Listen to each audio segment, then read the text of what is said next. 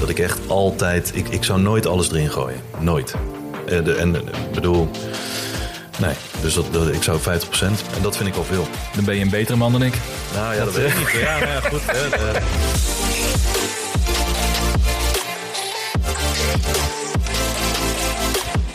Wij zijn Jasper en Twan. We zijn eh, ook gewoon belegger en Mr. Don. hè. Dus ik weet niet hoe we ons moeten noemen eigenlijk. Moeten we het persoonlijker maken? Moeten we onze aliasen gebruiken? Gewoon Twan en Jasper. Twan en Jasper? Gewoon Holland, simpel, twee. Of, of er moeten mensen zeggen van... eh, we moeten nog wat superhero namen hebben, maar... Nee. Nou ja, ik denk dat gewoon Jij belegger... hebt eigenlijk al een super, superhero naam. Ja, nou, ik vind Mr. Don wel, dat zou wel best wel kunnen. Maar ik denk dat met, met gewoon beleggen moet je het misschien wel iets meer afspijzen, denk ik. Ja, Eh, ja, ja. Nee, ik wil gewoon lekker low-key blijven. Ja, Loki. Ja. Ja. Ja, Nou goed, dus we gaan niet volgende week aankomen met eh superbelegger of eh The Man Who Knows It All of zoiets. eh, De slimste belegger. de slimste belegger. Nou, laten we die maar alvast gaan claimen op Twitter. Nee. Het, eh, nou, we zijn er weer. Derde aflevering. Ja. Zullen we eerst beginnen met de disclaimer? Oh, we- ja, we moeten beginnen met disc. Nou, ik wil eigenlijk eerst beginnen met de whisky. Oh, Want laten daar, we eh, dat begint natuurlijk een beetje trend te worden ook in deze aflevering. Ja, maar het we wordt hebben wel, vandaag, Het wordt wel steeds vroeger, hè? het wordt wel vroeg, ja. Het is nu twee We uur. echt net na de lunch. Ja, we hebben een, een after lunch whisky, is het eigenlijk. Ehm, maar hij smaakt lekker, moet ik toegeven, toch? Ja, wat hebben we? We hebben Airstone, Arstone vandaag, single malt whisky. Tien jaar oud, een keer gekregen van een maatje van me voor verjaardag. Dan, eh, Ook tien jaar geleden, of niet? ook tien jaar geleden, denk ik. Ja, is niet twintig jaar oud, zou je Huh? kunnen zeggen dan. Zo. Ik weet niet of het zo werkt, maar... eh, nee, zitten we lekker aan een whiskietje vandaag. En eh, we hebben heel veel leuke dingen te behandelen. Maar Ja. ik zal inderdaad eerst even de disclaimer eruit gooien. Want wij zijn twee mannen die het vooral leuk vinden om over beleggen te praten. Maar of wij het doen op basis van expertise, dat zou ik niet zo snel durven zeggen, Edwan. Nee. Dus weet dat dit geen financieel advies is. Puur voor entertainment. Puur entertainment, doe altijd je eigen onderzoek. En beleg alleen met geld dat je kunt missen.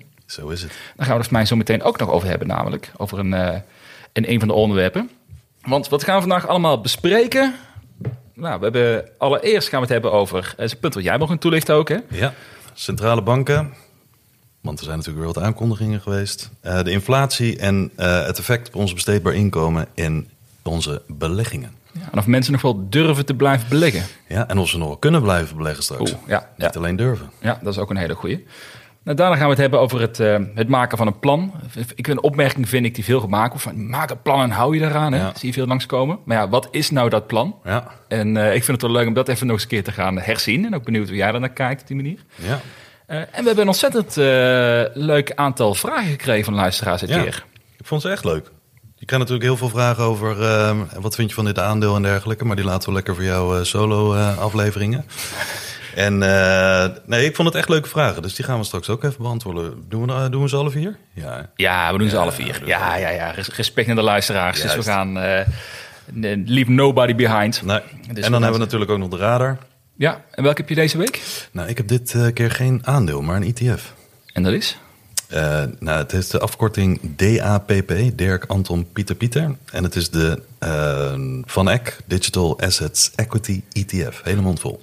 Ik was al bang voor dat je het over decentralized apps wilde gaan hebben in deze aflevering. Nee. Dus dat, eh, Oké, nou dan zijn we mee gered, denk ik. nou, ik ben benieuwd. Digital Innovation App. Eh, en ik wil het hebben kort over Airbnb. Dus dat zijn de twee dingen waar we het gaan mee gaan afsluiten in deze aflevering. Ehm, maar ja, we hebben nog een heleboel om te bespreken voordat we bij het punt aankomen. Maar wat je ook nog steeds kunt doen, want dat vergeet ik zo meteen weer, is Stemmen. stemmen. Ja, ja, ja. Je kunt Tot wanneer kan het nog? Oeh, dat is een goede vraag. Ik weet niet eens of het nog kan trouwens, om Nee? heel eerlijk te zijn. Ik denk dat dit wel ongeveer de laatste week is. Als het nog kan, is het deze week, denk ik. Dus, eh, en dan hebben mensen ook genoeg tijd gehad om te mogen stemmen natuurlijk. Ja, Dus dat eh, gaat wel goed komen. ben benieuwd. Maar vergeet niet inderdaad de Podcast Awards. Mr. Don Podcast, even stemmen. Beste business podcast, blijft mooi om te zeggen. Dus eh, die houden ik gewoon erin voor de rest van het jaar. Ik ga gewoon de rest van het jaar zeggen dat mensen kunnen blijven stemmen. denk ik. Screenshot, poster ervan maken, dekbed overtrek. Klaar. Volgende week in de, in de Mr. Don en de gewoon beleggen shop. En het dekbed overtrek met eh, de cover erop. Hoodies. Hey, laten we beginnen met het, ehm, met het eerste onderwerp. Want ik zat gisteren ook te kijken naar die presentatie weer van, eh, van de Fed. Ja. En eh, de markt reageerde wel best wel negatief, hè? Wat vond jij ervan? Nou ja, het was dus grappig, want ik zag je ook een post doen vlak daarna. En eh, tijdens de laatste verhogingen van de rente en tijdens al die aankondigingen die de laatste paar keren zijn geweest, vooral van de Fed, daar eh, maakte de markt echt gewoon een soort schijnbeweging omhoog, heel vaak. En toen gelijk weer naar beneden. Gisteren, ik zat te kijken en ik was een beetje met mijn, eh, met mijn dochter bezig, want die moest naar bed.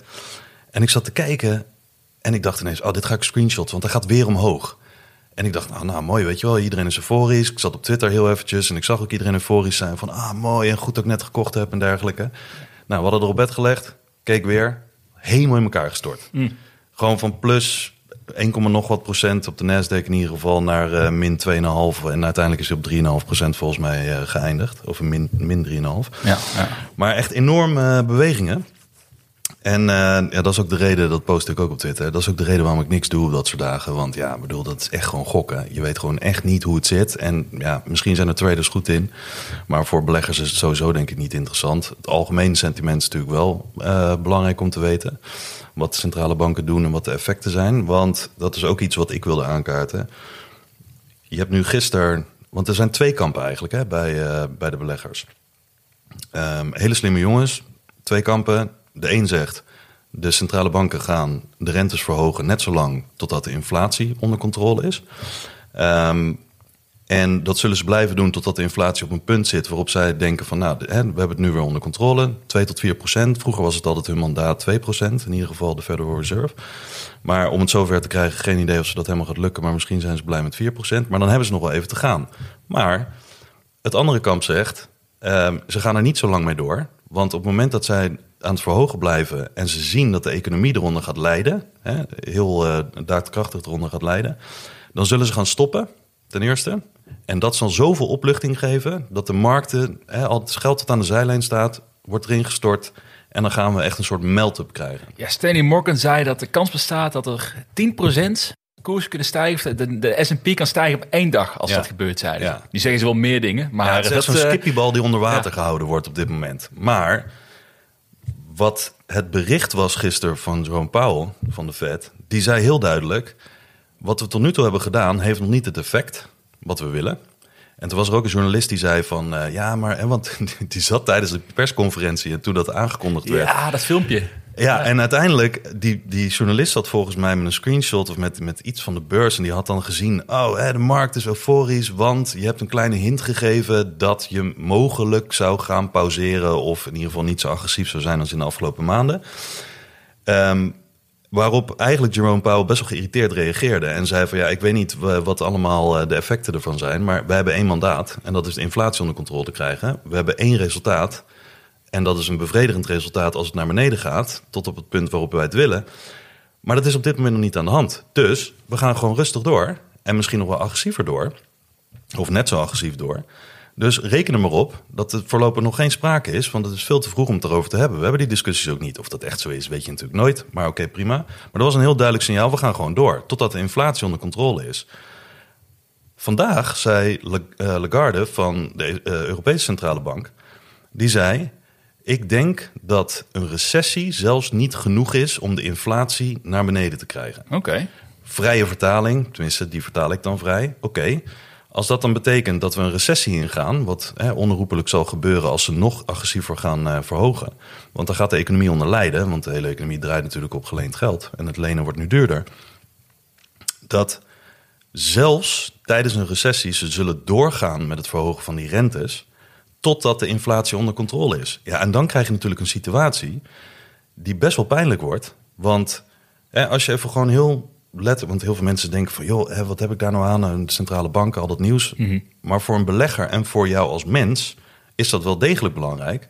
Want ik denk dat als je de gemiddelde persoon neemt die, nou, hè, laten we zeggen, 2500 euro netto per maand binnenkrijgt, dat is een beetje modaal. Volgens het Nibud, en iedereen heeft natuurlijk zijn eigen uitgavenpatroon, maar volgens het Nibud zat je aan het begin van het jaar ongeveer op, nou, laten we zeggen, 2000 euro kosten. Huur, vakanties, kleding, boodschappen, al die dingen bij elkaar, vervoer, noem het maar op. 2000 euro. Houd je 5000 euro, uh, 5000, had je 500 euro had je over. Nou, daar kan je mee beleggen. Want het algemene advies is natuurlijk: uh, zorg voor een goed inkomen, geef minder uit dan dat er binnenkomt en beleg of spaar de rest. Dat is voor je toekomst. Dus dan heb je in dit geval beleg of spaar de rest voor de toekomst, heb je 500 euro over. Nu kan je die berekening nog een keer doen. En omdat alles natuurlijk is gestegen, je voedsel, je energie, vervoer, al dat soort dingen. Uh, stond er op de website, met die berekeningen dat het gemiddelde uitgavenpatroon nu is gestegen van 2000 naar ongeveer 2300 euro. Dat is flink, 15% meer. Binnen een jaar. Ja. En de inflatie staat natuurlijk in Nederland op 16%. Maar er zijn heel veel dingen zijn er duurder dan dat. Hè, vlees, eh, weet je wel, benzine, dat soort dingen, die zijn allemaal meer gestegen dan, eh, dan 15 of 16 procent. Maar dat betekent dus daadwerkelijk dat besteedbaar inkomen wat mensen overhouden om te gaan beleggen, is van in dit voorbeeld 500 euro naar 200 euro gegaan. Ja. Wat gebeurt er nou als die inflatie nog steeds door blijft, niet door blijft stijgen, maar op hetzelfde niveau blijft staan? En ik denk ook dat heel veel mensen hier een, een, een soort rekenfout in maken, of een denkfout. Uh, een van mijn vrienden die zei ook van, joh, als het uh, 17% is, was, en nu is 16% en volgend jaar is het 14%, dan gaat het toch naar beneden, wordt alles toch goedkoper. Maar dat is dus niet zo. Want als iets vorig jaar 100 euro kostte en zegt dat de inflatie voor het gemak van rekenen 10% is. En volgend jaar is die ook weer 10%. Zou je zeggen, nou dan blijven de prijzen gelijk. Nee, vorig jaar kostte het 100 euro, nu 110 euro, volgend jaar 121 euro. Ja, ja precies. De inflatie zegt alleen iets over de snelheid waarmee de prijzen veranderen. Of je zou het ook anders kunnen zeggen, de snelheid waarmee je geldontwaarding uh, uh, hebt. Maar dat zou dus kunnen betekenen dat volgend jaar, als die inflatie zo door blijft gaan en de centrale banken er niet in slagen om die onder controle te krijgen, dat mensen dus minder besteedbaar inkomen overhouden. Omdat de kosten stijgen. En als jouw loon er niet evenredig mee gaat stijgen, dan zou je er dus op achteruit gaan. Dus misschien heb je, hè, had je aan het begin van het jaar nog 500 euro. Uh, eind van het jaar heb je nog 200 euro, omdat de kosten zijn gestegen, je hebt minder besteedbaar inkomen. En volgend jaar heb je niks meer. Hoe ga je dan beleggen?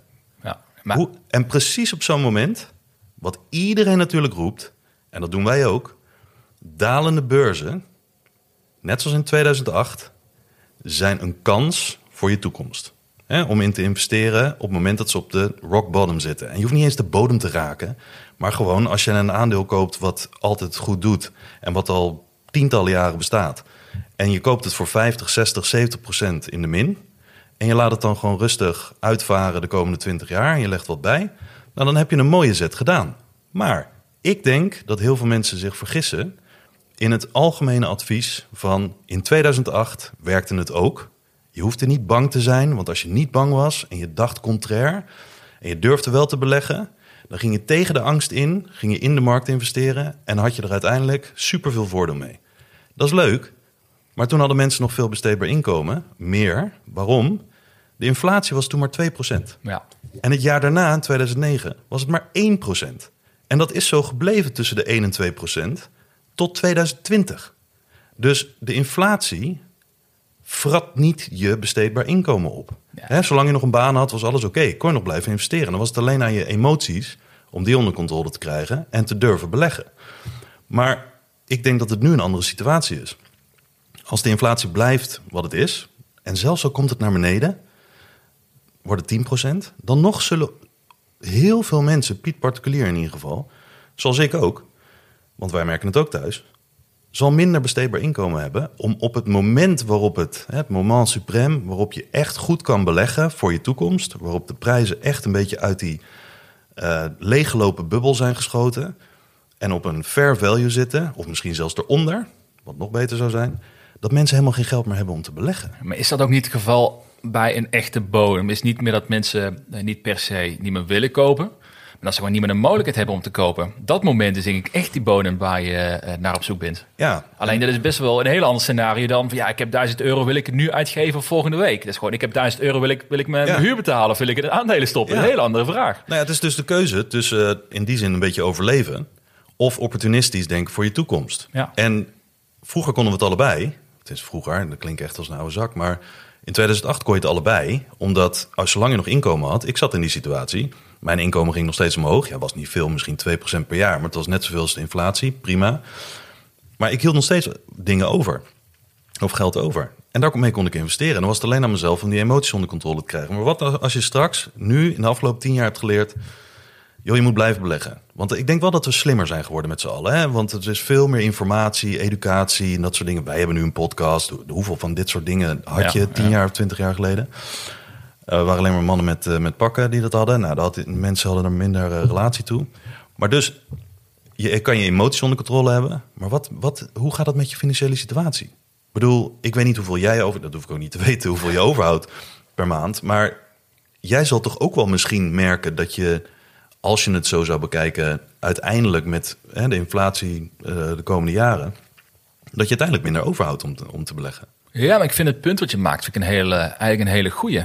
In, in de zin, wat we net kort over hadden, is dat eh, je hebt pas echt een probleem als je niet meer de optie hebt om te kunnen beleggen. Ja. Niet, meer het, het- niet meer dat je niet wil beleggen, maar je kan gewoon niet meer. Want je hebt, je hebt gewoon het geld niet meer beschikbaar daarvoor.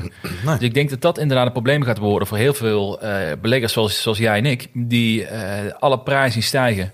Eh, op de kleintjes moeten gaan letten en denken, ja, die 500 euro, wil ik dat een, eh, een aandelen of wil ik daar iets, iets verkopen wat ik al een tijdje... Wil ik een nieuwe wasmachine eindelijk een keertje kopen? Hoe Ja. kan ik het thuis verantwoorden? Nou, dat is ook een vraag wat erbij komt kijken. Ja, dan, dan valt het dus echt letterlijk onder de luxe producten. Ja, exact. Ja. Want ja, weet je, oké, ik moet nu leven, ik moet nu overleven. Wat heb ik aan de toekomst? Kom op, dat zie ik dan wel weer. Ik moet nu gewoon zorgen dat ik kan blijven doen wat ik wil doen. En dan misschien niet eens de luxe die je gewend bent van de afgelopen tien jaar. Maar misschien dat je jezelf toch een beetje comfortabel level wil onderhouden. Nou ja, van een eh, aandeel kan je niet eten.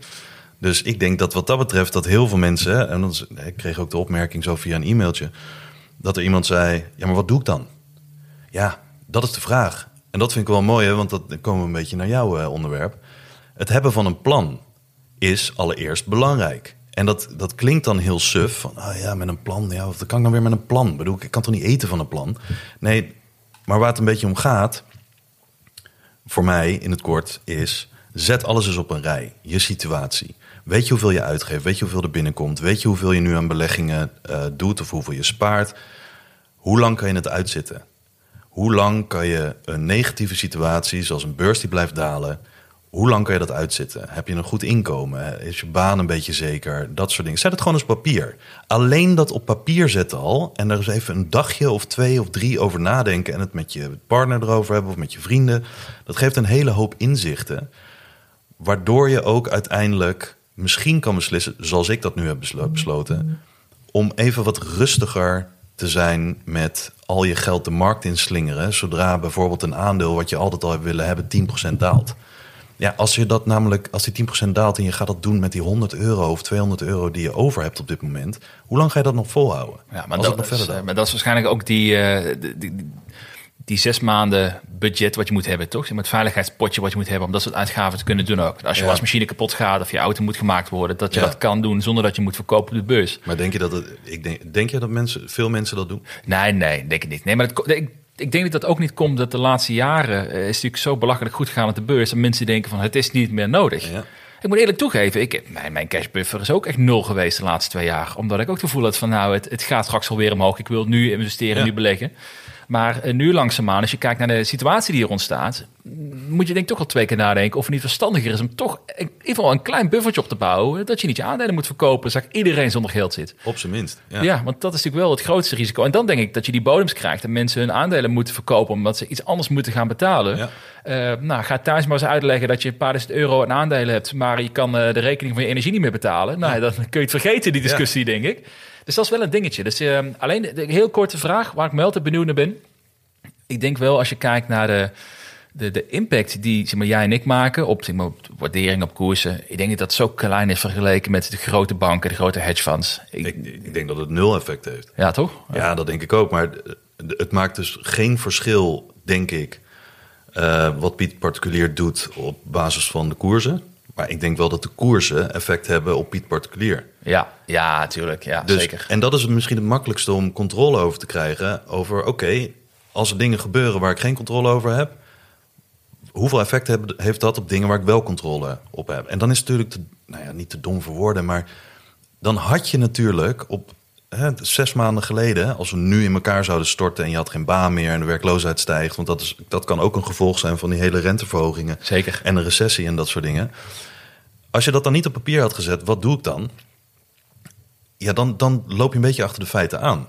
En ik denk dat met een plan maken, dat je ook gewoon... Je hoeft niet het scenario te draaien van... joh, de hele wereld gaat naar de hel.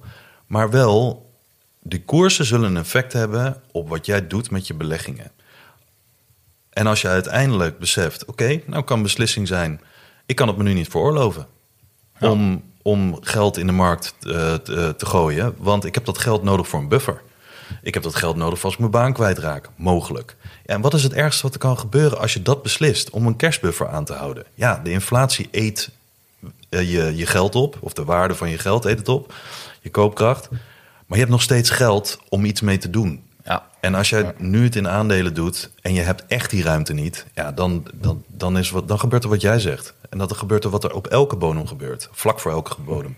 Dan krijg je capitulatie. Hebben we nog niet gezien, denk ik. Nee, zeker niet. Zeker. Sterker nog, ik zag dat de, de, de Fear and Greed Index staat weer ineens op greed, hoor, in eh, Oh. twee weken tijd. Dus dat gaat, gaat lekker. Ik, kreeg, ik had, we hadden een vraag gekregen trouwens. Die vind ik heel mooi aansluiten bij het verhaal ook. Doen we tussendoor met eh, een vraag van Bas was dat. Van die, ehm, die zit denk ik een beetje ook wel rond, rond jouw denkenlijn. Van, hij, vindt het, hij geeft aan dat hij eigenlijk best wel lastig vindt, omdat hij het gevoel heeft, eh, of hij leest een hoop over dat het de komende jaren best wel dood geld kan gaan zijn op de beurs. Eh, veel mensen die er ook wel best wel negatief nu naar kijken, nu dat de koersen flink gedaald zijn. En hij zegt, ja, ik heb gewoon nog een flinke cashpositie op dit moment, maar ik vind het niet echt een, eh, ja, een fijn gevoel dit weten om nu te gaan beleggen. Ja, hoe- maar wat doen wij daarmee, is eigenlijk zijn vraag. Ja, ik, ik zie ook die berichten natuurlijk veel op, eh, op Twitter. Dat noemen ze de last decade.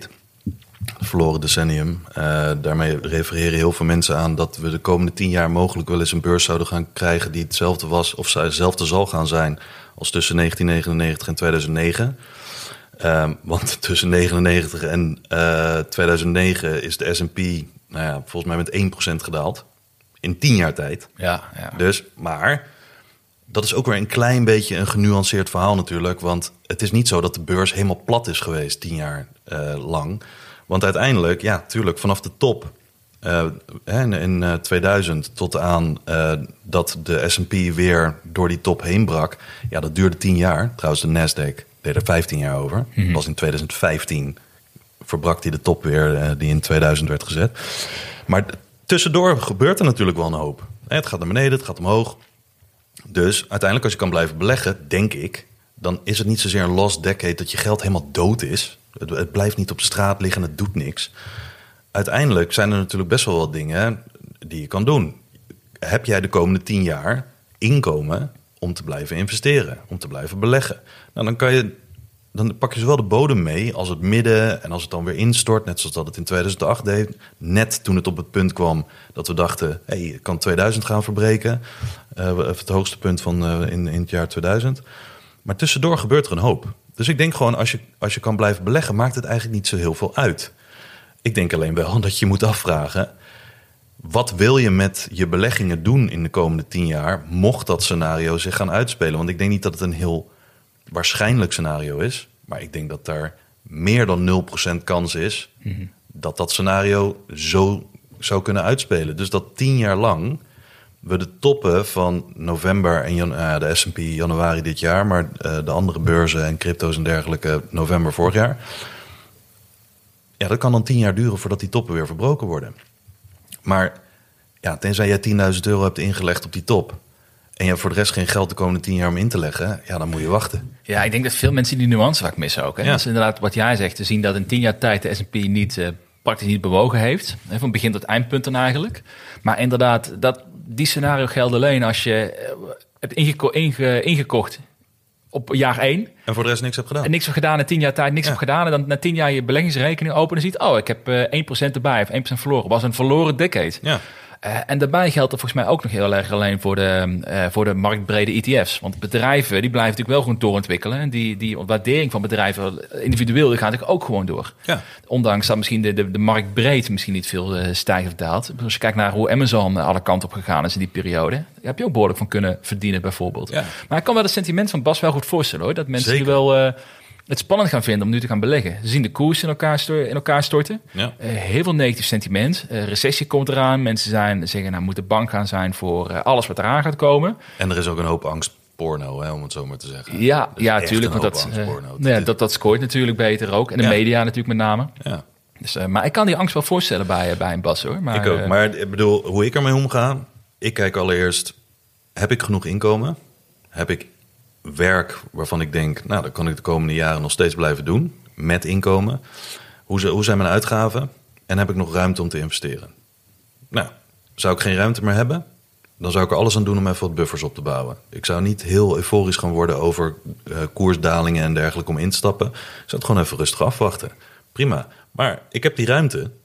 Ik heb cash, net zoals eigenlijk Bas. Bas heeft heel veel cash. Lekker luxe, man. Als je best wel wat cash hebt. Nou ja, ik zou graag Heel veel, ja, man, heel veel beleggers. Die, die- maar dan is het ook weer... Het kan ook een vloek zijn. Hè? Als je heel veel cash hebt, kan natuurlijk alles aanvoelen als een kans. Ja, Ehm, en bij de eerste volgende FOMO-rally van 15% denk je... ah, het gaat gebeuren, ik moet mijn cash erin storten. Maar maak gewoon een plan. Eh, denk jij dat het heel waarschijnlijk is... dat de komende 10 jaar echt gewoon een beetje doodgeld gaat zijn? Ja, maak dan een plan daarvoor. Ehm, ik denk dat de kans nogmaals klein is... Maar eh, maak gewoon een plan en, eh, en, en, en kijk het aan. Zorg in ieder geval genoeg inkomen... en dat je uitgavenpatroon eh, een beetje onder controle hebt. moeten we het dan maar gaan hebben over het plan ook? Wat al een beetje een paar keer geteased is. Ik nu, ben eh. wel benieuwd over jouw plan. Ja, kijk op zich. ehm, eh, eh, eh, grote lijnen sluit het aan denk ik, met het verhaal waar, waar jij net ook al verteld hebt. Hè? En het is van, je moet gewoon beseffen waar je het voor doet. En je moet je bewust zijn van de eh, gevolgen van de stijl van beleggen. Laat het zo over zeggen ook. Alleen ik merk dus veel mensen die, en ik zelf ook, heb ook een paar keer gezegd van ja, maak een plan en hou je daaraan. Dus wat, wat je nu ook doet, en maak een plan en hou je daaraan. Maar ik denk als je mensen die net nieuw zijn met beleggen, met name, of diegenen die ooit een keer begonnen zijn en een beetje een uit de hand gelopen hobby ervan gemaakt hebben. Als je vraagt wat is je plan, dan kun je ze waarschijnlijk kunnen ze beantwoorden met ja, ik beleg voor de lange termijn en Ja. ik doe het of ik heel, eh, heel agressief of heel eh, veilig doe ik beleggen. Maar dat is waarschijnlijk wel een beetje het Ja. plan van, eh, van velen. Goede nieuws is, dat is ook het gros eigenlijk wat je moet weten. Zou je kunnen zeggen. Maar ik heb even gekeken, wat zijn nou drie elementen waar je op zijn minst in ieder geval voor jezelf zekerheid over moet hebben. Hoe je de, als je wil gaan beginnen met beleggen voor een, voor langere tijd. En ik wil even kort erheen lopen, want ik denk dat heel veel punten heb jij net al aangehaald ook wel in, in het verhaal wat je, wat je net zei. Ehm, kijk, eh, de, de, de- ene die voor de, voor de hand ligt is natuurlijk tijdshorizon. Alleen ik wil er wel iets anders van, eh, van, van, van over zeggen. Want heel veel mensen, ik zelf ook zeggen, jij ook voor mij, eh, beleg voor de lange termijn. En dan komt het altijd wel goed, jaren jaren. Ja. Maar is het dan, betekent het dat we mensen die voor de korte termijn willen beleggen, die bijvoorbeeld zes maanden of twaalf maanden willen gaan beleggen, kijken wat het voor ze doet, dat we die meteen willen excluden van alles wat te doen? Ik denk, ik denk het ook niet per Nee. se, toch? Nee. Nee, ik, ik denk dat we moeten gaan nadenken over wat dan voor hen, dat zij moeten nadenken hoe hun plan dan anders eruit ziet van iemand die zoals jij en ik, die, onmak, die maar makkelijk tien jaar lang een aandeel kunnen vasthouden en daarop voorbereid zijn ook met qua opbouw van ons portfolio. Maar als je, waarom zou je niet kunnen als je zegt: Ik wil zes maanden gaan beleggen en ik wil kijken of ik het kan, of ik het leuk vind. En ik wil na zes maanden eruit kunnen stappen zonder mijn hele hebben en houden verloren te zijn, eh, Ja. zijn geraakt. En ik denk dat daar ook wel eens een keer over nagedacht kan, eh, kan worden. Ik heb best veel mensen in mijn omgeving die zeggen: van, Ik zou graag willen gaan beleggen, maar ik heb geen idee hoe. Eh, maar ik wil het wel gaan ervaren, maar ik wil niet alle risico's lopen. Ja. Nou ja, dan, dan maak je een heel ander plan. Dan eh, hou 5% cash op zak en de rest investeren en beleggen. Want dat, Ja. dus ik denk dat dat een hele ehm, belangrijke is. Dus ook voor mensen die zes maanden willen beleggen. Of een jaar die zich maar willen testen voor zichzelf. Ook al geloof ik in de lange termijn. Eh, denk er wel over na van hoe je dat dan zou willen gaan doen. Misschien dat je volgens mij met 10 of 20 procent van je geld mee wil gaan beleggen. De rest hou je dus wel een cash totdat Ja. je weet wat je wilt doen voor de lange Ja. termijn. Hè? Ik denk dat iets is. Verlaag je risico. Ja. Ja, laag risico en eh beschouw het als leergeld. Ja. Dus, dus neem niet te veel risico met het geld dat je daadwerkelijk ook durft te verliezen daarin, Mhm. denk ik. Want iedereen moet toch zijn stijl leren ontdekken, toch? Bedoel, hoe lang heb jij erover gedaan voordat jij jouw stijl hebt, eh, hebt eh, ontdekt? Nou ja, eh, pff, 16 jaar en ik ben nog steeds bezig. Ik denk dat ik dan nog wel de komende 20 jaar dat ik, dat ik daar nog wel van moet leren. Ja, ik kunt je voorstellen. Ben je Ja. 16 jaar bezig, veel eh, veranderingen in je portfolio gedaan, veel gelezen natuurlijk in die 16 jaar ook erover. En nog steeds heel erg zoekende wat je daarin wil. Ja, ik veel fouten, veel successen. Ik bedoel, ik maak ze nog steeds. Ja, ik maak zelfs dezelfde fouten als die ik tien jaar geleden maakte. Ja, dat, is, dat is het leuke stiekem ook wel een beetje aan beleggen, Ja. toch? Dat we, daarom kunnen we ook Ja. iedere keer blijven lullen erover. Want we maken allemaal dezelfde fouten nog steeds. Dus, eh, maar, maar dat vind ik dus interessant. Dus eh tuurlijk, lange termijn is belangrijk. Maar je- het kan ook voor zes maanden of twaalf maanden je- jezelf ontdekken wat je leuk vindt. Maar hou er wel rekening mee in je plan. Het tweede is, hebben, hebben we eigenlijk de vorige aflevering veel over gehad. En jij net ook weer. eh, hou rekening met de, de financiële stabiliteit in je leven. Heb je een vaste baan of niet? Heb je, hoeveel verantwoordelijkheden heb je qua financieel? eh, heb je schulden, ja of nee? Nou, dat verhaal eh, heb ik, hebben we in de vorige aflevering veel over gehad al met elkaar ook. Dus dat zou je kunnen terugluisteren. En wat ik zelf een hele leuk vind, is ehm, het stukje zelfkennis over je interessegebieden. En waar je goed in bent. Ja. Ik denk dat heel weinig mensen, ik vond dat belangrijk, ik denk dat weinig mensen ehm, beseffen of de tijd nemen om te snappen waar zij een edge hebben ten opzichte van anderen. Ja. Ik ken bijvoorbeeld iemand die ook, eh, net als ik zit in de digitale marketingwereld, die, weet, die kan nog beter eh, dan, dan ik vertellen hoe de hele advertising spend voor digitaal eruit zien, hoe de markt zich ontwikkelt, wat dan ook. Ja. ja, die gast zou zich eigenlijk eh, primair moeten investeren in de Googles, in de PubMatic, in de Trade Desk, dat soort bedrijven. Ja. Hij weet exact de verschillen waar het, waar, waar het hem zit. Maar ook hij doet alleen maar in, in ETF's en gaat mee met de Amazons en de... Heb je eh, hem wel eens gevraagd waarom dan? ja, ik heb wel eens gevraagd. Hij zei, ja, ik vind dat gewoon mooie aandelen. Dus dan merk je een beetje, dat is ook wel zo natuurlijk, de Amazon en zo. Alleen, Ja, ja. eh, als ik hem dan zeg, ja, maar hoeveel, kan jij het hele businessmodel van Amazon, kan je die voor mij ontleden? Of kan je het makkelijker ontleden door het te hebben over, eh, over Google of Mhm. over eh, eh, de Trade Desk? Zeg, ja, nee, dat, dat kan ik je veel beter vertellen. Oké, en als ik naar twee balance sheets naast elkaar leg, gewoon even heel simpel. Kan jij dan zien welke van die twee beter, beter presteert op langere termijn, waar, waar, de, waar de, de, voordelen zitten? Mhm. Ja, nee, ja, ik kan de hele, alles ontleden met die Trade Desk en zo. Ja. Zeg, maar dan is daar je edge. Doe Ja. daar, je hoeft niet al je geld erin te stoppen, maar gebruik die wel, die interesses weet- die je hebt, Hij toch? zit dichter bij het vuur. Dus hij weet Ja. uiteindelijk van nature meer over hè, dat type business dan bij wijze van spreken ik. Ja, Ik zit er ja. niet in. Dus ja, dan kan ik van alles bekijken. Maar ik zit niet met me, hè, zoals we dat dan wel zeggen, met je luisterend oor op de rails. Het is, dat heeft hij van nature. Dat vind ik ook het mooie. Exact. Want inderdaad, heel veel mensen zeggen van, oké, zelfkennis heeft te maken met waar liggen je valkuilen. Maar waar liggen je sterkte, sterke punten? En zijn dat sterke punten die je hebt ontwikkeld? Zijn dat sterke punten omdat inderdaad, zoals jij zegt, van nou, dat is omdat je in een omgeving werkt waar dat soort dingen al van nature op je afkomen. Je bent er dagelijks mee bezig. Dus waarom, en dat vind ik ook het mooie, heel veel mensen zeggen die niet weten wat ze moeten doen. Dan zeg ik vaak, wat doe je de hele dag? Waar ben je het liefst mee bezig? Dan moet je dat doen. Weet je, eh, dan moet je dat ontwikkelen. Dan moet je daar een sterk punt van maken. En als je dat, hè, qua werk al sowieso in dat soort dingen zit, in de hele digital advertising space, dan komt je dat van nature. Dus ja, vind ik een hele goeie. Ja, nou ja, ik denk dat daar mensen veel meer kunnen, eh, hun, hun kracht kunnen benutten. Ik vind een hele specifieke trouwens, vind ik biotech.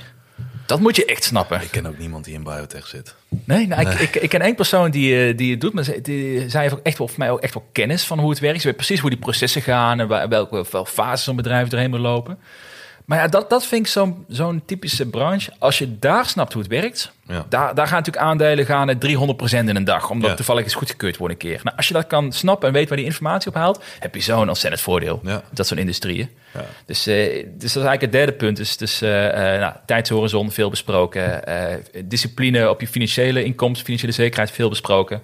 Maar ja, vooral ik het stukje zelfkennis is denk ik zo... en het voordeel halen uit je zelfkennis vind ik zo belangrijk. hè. Ja. Dus ik denk eigenlijk, een, als- ik denk als mensen dat zouden uitwerken in zo'n plan, als gewoon al, of een plan, schrijf die drie vragen op papier, schrijf je antwoord op, ja. lees het dag erna nog een keer, ben je er nog steeds mee eens? Heb je je plan? Ik denk dat heel veel mensen ook niet realiseren of een beetje zich vergissen in wat het belang is van iets opschrijven. En dit klinkt echt, echt weer alsof ik eh, eh, mijn vader hoor praten, maar opschrijven van dingen doet mentaal ook iets met je. Want alles in je hoofd houden, je, je brein maakt er een verhaal van. Er zitten altijd gaten in. eh knoop die dingen aan elkaar. En dan vervolgens heb je een verhaal wat misschien helemaal niet waar is. Schrijf het op. Want als je het opschrijft en je leest het terug, dan hoor je jezelf bij wijze van spreken praten. En dan, dan ineens, bij mij althans, gaat dan ineens zo'n belletje van: Hé, oh ja, dit zit zo. Terwijl in mijn hoofd was ik er dan al maanden mee bezig. Schrijf het gewoon op. Ja. Schrijf het allemaal gewoon op. Weet je dat dat ook de reden was waarom ik Mr. Don ben begonnen ook? Ja, ja? Ja, mijn eerste artikelen, die staan er volgens mij nog steeds, was ehm, eigenlijk meer voor mezelf. Ik heb gewoon opgeschreven wat ik die week heb gedaan, hoe ik, hoe ik dacht over aandelen. Oh, documenteren. Documenteren, Ja. ja. wat jij zegt. En daarna ga als je, wat je zegt, als je gaat schrijven, dan denk je, oh, klopt het wel? Ja. En zeker als je ook wat je schrijft openbaar is, dat je weet dat andere mensen dat ook kunnen lezen, Ja, dan ga je helemaal twee keer nadenken of je het... zeker zijn dat het, dat het voor grotendeels klopt, ja. ja, maar ik vind het wel een goed punt. Schrijf het op en ook dat je dan een week later kan terugkijken of kan aanpassen of zoiets. Ja. Dus dat... Hey, we hebben nog een paar, eh, nog drie luistervragen hebben we nog eh, te gaan ook. Heb jij een, een leuke vraag? Ja, nou, die sluit eigenlijk wel mooi aan bij, bij dat opschrijven. Want ehm, eh, Robert vraagt, of Robert vraagt, eh, hoe zorgen jullie ervoor dat je open blijft staan voor andere meningen zonder dat het je uit balans brengt? Ja, en dat is natuurlijk wel, zeker in deze tijd waarin je alle meningen el- elke seconde van de dag tot je kan nemen. Maar ik heb altijd, ik heb, nou ja, ik heb een dagboek. Hè, lief dagboek. Ik heb vandaag weer wat leuks gedaan. Ehm, Ik heb vandaag weer 10% van mijn geld verloren. ik heb bij mijn vandaag met 20% van geld verloren. Was fantastisch. Ik lach nog steeds. Maar eigenlijk wil ik gewoon huilen in een hoekje. Maar ik schrijf dat altijd op. Want ik ben van nature heel nieuwsgierig. Ik test graag dingen uit. Maar ik ben me ook heel bewust van dat ik af en toe best wel eens koppig kan zijn. En ik ben in die zin zo koppig dat het af en toe wel schadelijk kan zijn... omdat ik in mijn eigen overtuiging ga geloven. En zodanig dat ik ook andere meningen een beetje ga afweren. We hebben het hier vorige keer ook over gehad. Sta open voor andermans mening en val niet iedereen aan op zijn mening. Uh, alleen omdat die anders is dan wat, wat jij verkondigt. Ja. Maar ik heb één zinnetje waar ik altijd mee begin in mijn dagboek. En dat is: wat als ik het mis heb? Hm. En dan schrijf ik de overtuiging van iemand anders, waar ik heel erg door getriggerd word. Uh, de mening van iemand anders. En dan schrijf ik er gewoon onder wat mijn mening is. En dan schrijf ik onder: wat als ik het mis heb? En dan ga ik daar gewoon eens even een paar dagen op broeden. Ja. Ja, en, en soms moet ik het even links laten liggen en dan kom ik er later weer op terug als ik een rustig moment heb. Maar in de, in de meerderheid van de gevallen komt het er wel op neer dat ik altijd wel iets vind in mijn eigen overtuiging wat niet klopt. En dat is dan getriggerd door iemand die een tegenovergestelde mening heeft, of een mening die in ieder geval iets anders is. En, dan, en ik denk dat dat een beetje de basis is van hoe ik mijn overtuigingen verander. een beetje bijschaaf. Want ze zeggen wel eens van um, strong opinions loosely held je kan een hele sterke overtuiging hebben, maar het is nog schadelijker om daar zo principieel aan vast te houden dat je gewoon met je overtuiging de afgrond ingaat. Ja, en, en ik schrijf het gewoon op en ik toets het aan mezelf en dan moet ik voor mezelf uitschrijven. Wat als, ik, wat als ik het mis heb? Mag ik, mag ik dat punt wat je net zegt, mag ik dat nou toevoegen als punt 4 aan het maken van een plan? Ja. Is, uh, wat, wat gebeurt er als het misgaat? Ik vind dat een hele mooie, ook met aandelen. Ja. Dus wat als jij nu investeert in een, in een aandeel en het gaat mis? Ja. Ben je dan uh, financieel geruineerd? Uh, ga je nog, uh, ga het, gaat het nog wel goed komen? Of, ja. of, weet je, ik vind dat ook een hele mooie om naar zo'n plan te kijken, moet ja. ik zeggen. Er is er altijd een kans van meer dan 0%. Klinkt altijd zo dom om dat te zeggen, maar een kans van meer dan 0% dat hetgene wat iemand anders verkondigt, of hetgene wat jij denkt dat niet waar is, dat dat toch waar blijkt te zijn. Ja. En of dat er in ieder geval iets van waarheid in zit. En wat voor effect heeft dat dan op jouw beleggingsstijl of jouw beslissingen en dat soort dingen. En ik denk dat je zo leert wie je bent. Ik denk dat je zo leert, en dat blijf je tot aan je dood doen, denk ik. Dus ik wel. Uh, maar door het op te schrijven en er gewoon kritisch naar te kijken, als antwoord op, uh, op Robert, dat, uh, dat doe ik. Nou, ik denk wat daar een mooie toevoeging misschien op is, is dat je, als je dat opschrijft, na een tijdje ga je ook doorkrijgen welke mensen daadwerkelijk snappen waar ze het over hebben. En welke ja. mensen gewoon een, het gewoon niet leuk vinden. Bijvoorbeeld, ja. ik had laatst een reactie op Twitter langskomen met iemand die een, gewoon een hekel heeft aan crypto. Ik zeg van waarom doe je dat? Ik geloof er niet in. Het heeft nog nooit iets moois gebracht. Ja, dat is een mening dat, dat iedereen vrij om niet te geloven in crypto. Maar ja, ja, maar daar, daar heb je niet veel aan. Want het is niet, niet een inhoudelijke mening. Nee. Het is gewoon, ik vind het niet leuk en daarmee uh, mag jij het ook niet leuk vinden. Maar daar. Maar dan nog zit er iets. Want dat dacht ik vroeger ook altijd als mensen die alleen maar schreeuwen van uh, crypto gekkies, dit en dat. Dan nog zit er iets in dat verhaal. Want uh, als het je triggert, wat, dan zou je nog steeds kunnen opschrijven, wat als diegene gelijk heeft? Want ik word mm. kennelijk getriggerd.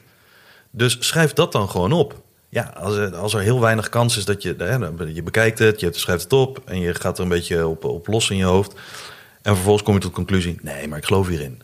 Maar ik heb 50% van mijn geld in crypto zitten. Misschien geloof ik er niet voor 50% van mijn geld in. Maar misschien moet ik dat gaan verlagen naar 20%. Zit ik er nog steeds in, maar dan zet ik in ieder geval niet alles op het spel. Nou, dan, zo leer je. Zo ja. pas je het aan. Flexibel blijven in je, in je, in je beleggingsstrategie, denk ik. Ja, het is gewoon heel rationeel en stoïcijns naar blijven kijken ja. eigenlijk. Hè? Ik bedoel, geld huilt ook niet om jou, zeggen ze. Dus wat nee. dat betreft... Uh, als jij dadelijk weer op de huil ligt in een hoekje, dan... Uh, dat zou mooi zijn.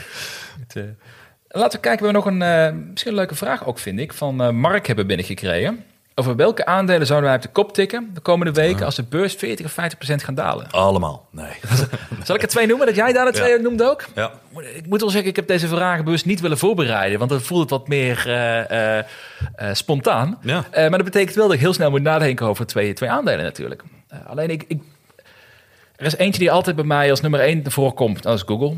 Ja. Ik denk dat, dat die gasten die zijn zo goed bezig, die snappen zo goed waar de toekomst heen gaat. En het gewoon bedrijfsmodel is fantastisch. Ik, ja, die, ik heb het een keer eerder gezegd, als ik één aandeel zou moeten hebben die ik 100% mijn geld zou stoppen, nooit zou loslaten, is dat Google. Mm. Dus Google zou voor mij nummer één zijn. Nummer twee is een hele moeilijke eigenlijk. Hè? Als, ik, als de markt 50% zou dalen. Weet je wat lastig is? Misschien daarover. Je hebt nu um, er zijn al vaak van die aandelen die weet je, die zijn een beetje duur. Maar er zijn hele mooie bedrijven erachter. Maar dan zeggen ze van, ja, maar ze zijn zo duur omdat het mooie bedrijven zijn. En dat, na een tijdje nemen dat aan. Bijvoorbeeld Ja. zo'n Snowflake vind ik zo'n voorbeeld. Ja. Heel veel mensen zeggen, fantastisch bedrijf, gaat de Ja. wereld veranderen, ja, ja, ja. Ik heb geen idee, want ik, ik zit niet goed genoeg in die materie. Maar ik hoor het iedereen zeggen, dus ik neem het aan. Dus dat aandeel komt bij mij nu boven. Mhm. Als er 5% daalt, ga ik Snowflake kopen. Maar dat is wel grappig, want dat zijn alle twee aandelen die nog niet in je portefeuille zitten. Ja, klopt. Ja. Dus jij zou bij een daling van 50% zou je niet toevoegen aan je eigen portefeuille. Of niet? Ja, of misschien hou ik dat nu een beetje buiten beschouwing. Dat zou kunnen. Ik, ik heb bijvoorbeeld Ja. deze week gewoon... Ik mag het bijna niet meer zeggen, maar ik heb toch twee keer canoe bijgekocht bijvoorbeeld. Ja, ik weet, de put wordt steeds dieper. Maar, Oh. eh, nee, maar, nee, maar dat klopt. Maar ik, ik denk dat dat te maken heeft met de strategie die ik heb. Maar als je tegen mij zegt, wat zou je nu kopen en lang vasthouden en nooit Mhm. meer verkopen, zou dat, zou dat Google zijn. Maar ja, het is wel een terecht punt. Hè? Waarom heb je dan die aandelen nu niet in je portfolio? Nou. Snowflake, omdat ik het gewoon te duur vind. Gewoon, dat vind ik niet te, niet te verantwoorden. Ik zou er eerder short op gaan. Maar ik heb geleerd nooit short gaan op fantastische bedrijven. Dus ik pas wel op. En ik hou niet van shorten. Nee. Maar, ehm, ehm, maar het is eerst, eh, ik denk Snowflake en Google zit het ook, komt het ook op een of andere manier boven in mijn, eh, in mijn hoofd. Los grappig. daarvan alle posities die ik al heb natuurlijk. Ja. En, eh, Maar ik, ik zou het andersom doen. ja? Of andersom, ik zou, ik, ik zou juist toevoegen aan de posities die ik al heb. ja, maar ik bedoel dat de, de bedoel ik dan. Hè? Die zes die ik al heb, plus dan... Ja, nee, maar de- omdat de vraag was inderdaad van hè, welk aandeel eh, of welke aandelen zou je meteen op de kop zouden tikken. Dat kan je natuurlijk zien als hè, aandelen waar je nog niet in zit. Ja, Maar ik denk voor mezelf dat als morgen alles 50% instort, of specifiek een aantal aandelen 50% instorten, wat natuurlijk wel best wel lastig is, hè? want als specifieke aandelen 50% dalen en de beurs daalt 2%, hmm, dan moet Vaak dan- iets aan de hand. Ja, dan Ja. is er vaak iets aan de hand. Maar oké, laten we zeggen dat alles met 50% instort, dan zou ik toevoegen aan blok, ja. ten ja. eerste. En ten tweede, ja, dit, dit gaat heel suf en saai klinken, eh, Die ETF's, hè? ETF, Ja, ja, ja. Nasdaq ETF. ja. Dat, eh, daar zou ik, als dat 50% instort, daar zou ik heel heavy op gaan. Ook omdat hè, voor mij is het een veiligere optie. Maar ook blok zou ik, eh, zou ik best wel. En ik, en ik denk als, je, het- als het gaat, als morgen 50% instort, hoeveel cash zou ik dan inzetten? Want dat geeft natuurlijk ook een soort van overtuiging aan. Ik zou de helft van mijn cash inzetten. De helft naar 50% indalen. En de, maar de andere helft hou je dan om je rekening te betalen? Of hou je die echt afzijdig voor mocht het... Waar wacht je met die andere 50% dan op? Eh, op wat er komen gaat. Oké. Ehm, want ik, ik denk als iets instort, kan er ook zoveel neveneff- kunnen er zoveel neveneffecten zijn die je op dat moment op één dag, hè, of op, twee dagen, die je echt niet kan overzien. Dat ik echt altijd, ik, ik zou nooit alles erin gooien. Nooit. Eh, de, en eh, bedoel, nee, dus dat, dat, ik zou 50%. En dat vind ik al veel. Dan ben je een betere man dan ik. Nou ja, dat, Dat, weet ik eh, niet. Ja, nou ja, goed. Hè, de, fortune favors the, favors the bold. Ja, dus eh, een beetje durf eh, kapitaal is natuurlijk ook eh, niet, niets mis mee. Maar in mijn situatie 50% op blok en op eh, de Nasdaq ETF. Ja. Ja, goede vragen. Zeker. heb nog de laatste vraag van Patrick. Ja. Welke knop is er... Ja, dat zijn een paar vragen. Welke knop is er omgegaan bij jou om te gaan beleggen? Kwam het op je pad en had je er toen nog niet veel over gehoord of gelezen? En wat was de eerste stap? Wat heeft je overtuigd? Goeie vraag. Goeie vraag. Nou, voor mij was het heel simpel. Nou, Ehm, hebberigheid. Ja, eh, serieus. maar je wilt gewoon snel veel geld verdienen. Kwam Nou, nee, nee, niet zozeer snel. Ik, ik kan niet zo heel veel geld. Ik bedoel, ik, ben in 2005 met mijn eerste echte baan begonnen. En eh, ik denk dat eind 2005 eh, ik een verjaardag was en dat iemand zei van... joh, ja, je bent nu lekker aan het verdienen, bla, bla, bla. Wat ga je met de rest van het geld doen dan? En die liet zijn broker-app zien, of volgens mij was het gewoon de ABN AMRO-app destijds. Ehm, en die liet zien wat hij in de afgelopen jaren had verdiend. Best wel een lekkere run geweest tussen eh, de bodem van 2002 en, eh, en 2005. Dus, eh, en toen dacht ik, wow, ik moet, ik moet, dit moet ik gaan doen. Dus eh, wat ik ook al eerder tijdens de podcast zei, toen ben ik in Apple gaan, eh, gaan beleggen. En eh, ik weet niet eens meer wat die andere aandelen waren. Ik had er vier of vijf of zo. Geen idee wat ik aan het doen was. Serieus. Het beleggen begon eerst en daarna begon pas het leren. Maar dat is vaak ook wel de juiste, nou niet de juiste vorm misschien, maar het is Nou. wel voor veel mensen starten toch een beetje eh, het water aanvoelen, Ja. kijken hoe of, of je bevalt en dan ga je gaandeweg. Je bouwt interesse op natuurlijk Ja. ook ervoor. Nou, de trigger was voor mij gewoon dollartekens. Ja, nou ja. ja. Dat heel ja, puur en simpel. Maar ja, goed, dit, dit is niet van voor de meeste mensen het geval. Ik denk niet dat veel mensen gaan beleggen die daar 100 uren willen steken per, per maand, omdat ze het leuk vinden om naar, naar cijfers te kijken. Nee, dat se. denk ik ook. Je moet, je moet op een bepaalde manier beginnen. Maar dat was, ja, bedoel, het klinkt natuurlijk niet heel sexy om te zeggen van, joh, ik wil er gewoon rijk van worden. En eh, ik zag dat iemand anders het lukte. Dus eh, hè, copy-paste en, eh, en doen. Dus dat, dat was het voor mij. Wat was het, eh, wat- was het eh, voor jou? Sinds wanneer beleg je eigenlijk? Want dat, is, eh, dat was volgens mij de eerste keer eind 2019. Eerste aandelen gekocht. Zeg drie maanden Oh, ja. voordat de corona-pandemie of de, de pandemie de boel eh, aan elkaar suste. Een hele leuke periode. Maar ik, ik, kijk, ik denk dat het voor mij grotendeels hetzelfde was ook. Dus eh, ik had gewoon geld liggen, om het zo even uit te drukken. Mhm. Ik had geld liggen en ik wilde dat dat geld iets ging doen in plaats van dat er op mijn rekening stond. Want ik Ja. ben niet materialistisch, dus ik, ik, ik hou niet van om dure auto's te kopen of zoiets. Dus, maar ik wil wel iets ermee mee kunnen doen. Eh, en ik heb een soort lange termijn levensvisie. Klinkt heel zwaar, maar ik zal het kort houden. Lange termijn levensvisie dat ik iets wil gaan bijdragen wat ehm, de wereld leuker, mooier en eh, duurzamer maakt. Zonder helemaal op de duurzaamheidsvorm te gaan. Maar ik vind dat een belangrijke trend dat iets sustainable is. je gaat windmolens kopen. Nou, dat zou helemaal. Ik ga de windmolen wonen, denk ik later. Ehm, maar, maar dat wil ik ook gaan doen door ook zeg maar, start-ups te kunnen helpen. Om Ah, daar ja. te kunnen investeren, kunnen adviseren. Van hoe maken zij van een product die die drie dingen doet, of één van die drie dingen, hoe kunnen ze dat groot maken dat meer mensen ervan kunnen gaan genieten, zeg maar. Maar om daar te komen moet je en financieel onafhankelijk zijn. Want je kunt niet 40 uur in de week gaan werken. Want dan kun je al de projecten die me steunen. En je hebt het geld nodig om die start-ups ook financieel te kunnen steunen. Ja. Dus mijn doel is om in die fase te komen dat ik dat kan gaan doen. Leuk. En beleg is daar gewoon een puzzelstukje van die me daarmee moet helpen. Ja. Dus eh, klinkt heel erg eh, wereldverbeterend, maar dat, dat valt wel mee. Nee, maar ja, maar, om iets om voor te gaan. Ik bedoel, eh, leuk doel. nou ja, het is in ieder geval leuker. Of ik vind dat meer eh, activeren voor mij dan een huis kopen of dat soort zaken. Ja, of zoveel mogelijk geld bij elkaar. Zoveel mogelijk geld verdienen. Ja, want dat is toch nooit genoeg eigenlijk. Nee, natuurlijk maar, eh, eh, legt de lat steeds hoger. nee, dus wat dat betreft, ja, dat eigenlijk. Nou. Dus leuke vragen Ja, deze week.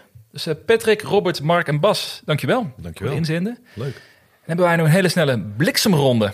Hebben we nog. De radar. De radar, daar moeten we even een tune voor verzinnen ook, denk ik. Je was al bezig met een tune daarvoor, dus... eh, Zullen we een bliksem maken, twee minuten of zo per? En dan eh, Ja. zijn we denk ik mooi rond de 45, 50 minuten. Mooie aflevering, denk ik Ja, toch? We willen mensen ook niet te lang bezighouden. Nee, zeker niet, zeker niet. Want dan moet weer gekocht worden op de beurs zo meteen.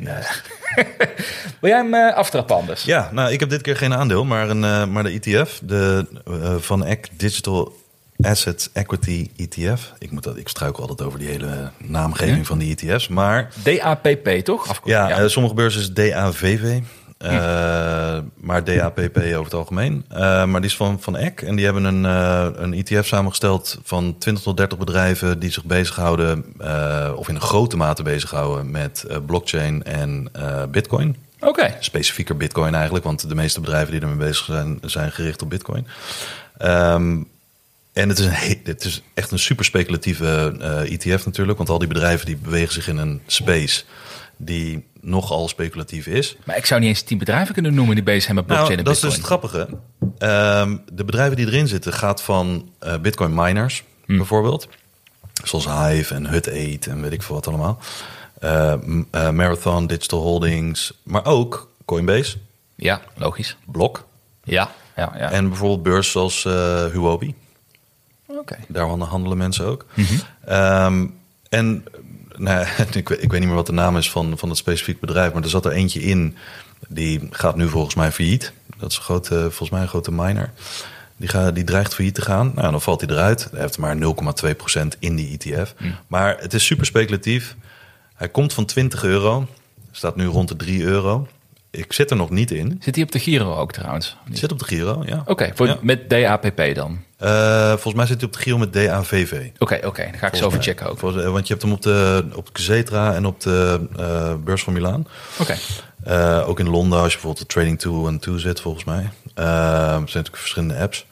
Maar het is hartstikke speculatief. Eh, belegt natuurlijk daarmee in een speculatieve markt. Maar je hebt ook wat bedrijven zoals Coin- Coinbase en, eh, en Block. En nog een paar andere, Silvergate Capital. Eh, Behoorlijk wat eh, bedrijven die erin zitten.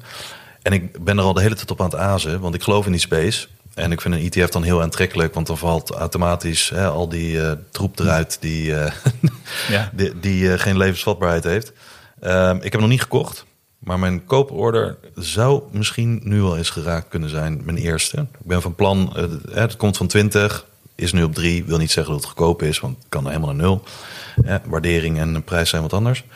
Ehm, maar mijn kooporders liggen vanaf 3 euro helemaal tot aan eh 1 euro. Dus eh, Dat is hoogstwaarschijnlijk je volgende positie dan. eh, Ja, maar met maximaal eh, 1% van mijn hele vermogen. Want het is super speculatief. Dus, Ik, eh, ik, vind dat, ik vind dat is wel een heel, heel mooi eh, manier om mail ETF's te kopen. Ik ben er zelf wat, minder van, zoals je weet. Eh, alleen dit vind ik wel een heel mooi voorbeeld... waarbij je dus wel gewoon een hele, een hele speculatieve sector kan kopen... in plaats Ja. van hele specifieke individuele aandelen. Ja.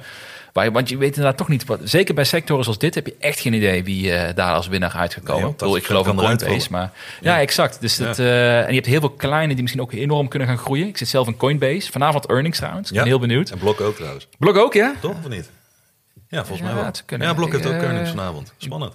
Ja, Zit kijk- ook allebei bij mij in een portfolio. Dus Oh, natuurlijk. Nou ja, maar ik vind dat wel een heel mooi voorbeeld van een ETF die daarin denk ik wel echt Ja. waarde toevoegt. Dat je Ja. daarin... interessante keuze. Ik ga er ook naar kijken straks. Ehm, en zal ik hem afronden kort met, eh, met Airbnb. mhm. is een aandeel die eigenlijk al een, eh, al een tijdje een beetje zijdelings op mijn oog zit. Maar ik nooit zo interessant vond. Want ik dacht van ja, verliesgevend, super hoog gewaardeerd, jada, jada, jada. Maar ik heb er nog eens naar gekeken. En ze hebben de afgelopen twee kwartalen zijn ze echt sterk winstgevend geworden. Altijd verliesgevend geweest. De laatste twee kwartalen sterk Oh ja? winstgevend. Ze hebben een record omzet gehaald in Q3. eh, qua omzet, qua netto winst en qua free cashflow. Ze gaan ergens aan mallen gaan ze. De netto winst was, eh, even kijken, wat is nou? 1,2 ja, 1,2 miljard dollar. Dus 46% gestegen ten opzichte van een jaar geleden, de netto winst. En ze hebben e- een, een netto marge van 42%. wow. Nou ja, ik, ik, ik, ik wist dat niet hoor, dat Airbnb zo'n cashflow machine was. Dus Ja, dat, dat vind ik ook echt, eh, echt bizar. En daarnaast wat ik heel mooi vind, en waarom ik, eh, ik, nou, ik ben niet Pinterest te hekelen, eh, moet ik niet zeggen natuurlijk, maar Pinterest is nu weer, is, eh, heeft een hele sterke eh, stock-based compensation programma voor een werknemers, waar ik niet blij mee ben. Nee. Daar heb ik de, de vorige podcast over, eh, over gehad. Maar wat doet Airbnb? Zij zijn juist heel actief weer aandelen aan het terugkopen en bijna geen dilution naar hun shareholders. Ze hebben bijna geen stock-based compensation. Dus ook daar ben ik wel eigenlijk wel blij mee. Maar wat blijkt nou? Ik heb dus een rapport gelezen. Ik denk hele positieve aspecten. Koers daalde 13% gisteren naar de markt. Heb je gekocht? Nee, nog, nog niet. Ik heb nog geen positie. Nee, ik heb nog geen positie. Maar, maar dat komt omdat, dus de, wat blijkt nou, is dat Q4 zijn ze wat terughoudend in. Bedoel, macro-economie, ik ken het verhaal. Vooruitzichten zijn niet zo heel positief. Ja, we zijn wat lager dan mensen hadden verwacht. Eigenlijk is het meer dat. Eh, maar ik vind het eigenlijk wel gek. Want ik denk als mensen, als zij niet meer dure vakanties gaan boeken omdat ze minder geld hebben, Mhm. dan ga je alsnog even, wil je weekendje weg of een weekje weg. Maar dat doe je misschien in het land. Dan ga je misschien naar camping en Airbnb. Ik doe dat ook. Ja, toch? Ja, elke maand. Air- Een Airbnb. Ja. Ja? Gewoon even een weekendje weg. Ja, op de Veluwe. Oh, dat is wel Om allemaal gedachten op, eh, op een rij te zetten. Ja, Nou ja, daar moet ik even mijn vriendin voor bedanken dat het allemaal kan. Maar Dat- dat- eh, drie, drie dagjes, ja, nee. Dat, eh, de- en ik doe het altijd via Airbnb. Maar ik denk dat mensen dat ook meer gaan doen na- naarmate dus de economisch moeilijker gaat worden. Ja, Ehm, maar goed, de, de beurs denkt schijnbaar van niet, want de koers is behoorlijk in elkaar geklapt sinds gisteren. Maar het, kan een kans zijn. ik vind het interessant. Ik vind het een interessant aandeel om naar te kijken, in ieder geval. Leuk. Dus dat, dat waren de twee op de radar voor deze, voor deze week. Dan ehm, kunnen we afsluiten, denk ik, hè, deze aflevering. Ik denk het ook. Ik denk dat, eh, ik hoop niet dat mensen al in slaap zijn gevallen. Het valt wel mee, ja. Ja. Nou, ik denk 50 minuten gaat deze aflevering Ja, duren. het Dus dat praat toch altijd meer dan dat je denkt. Ja, ja, misschien moet het ook weer gaan opknippen, deze aflevering. of, eh, volg Twan op Twitter via Gewoon Belegger. Ja. Niet, niet de belegger, Gewoon Belegger. Die vorige keer maakte die opmerking, vond bij zijn uh, paardenkop in mijn bed. Ik denk dat die van Twan komt. Dat was het. Volg mij via Mr. Don NL. Laat ons weten wat je van vond van de aflevering. Eh vinden het altijd heel leuk om te horen wat jullie ervan vinden. En bedankt voor het luisteren en tot eh, de volgende week weer. Tot de volgende keer.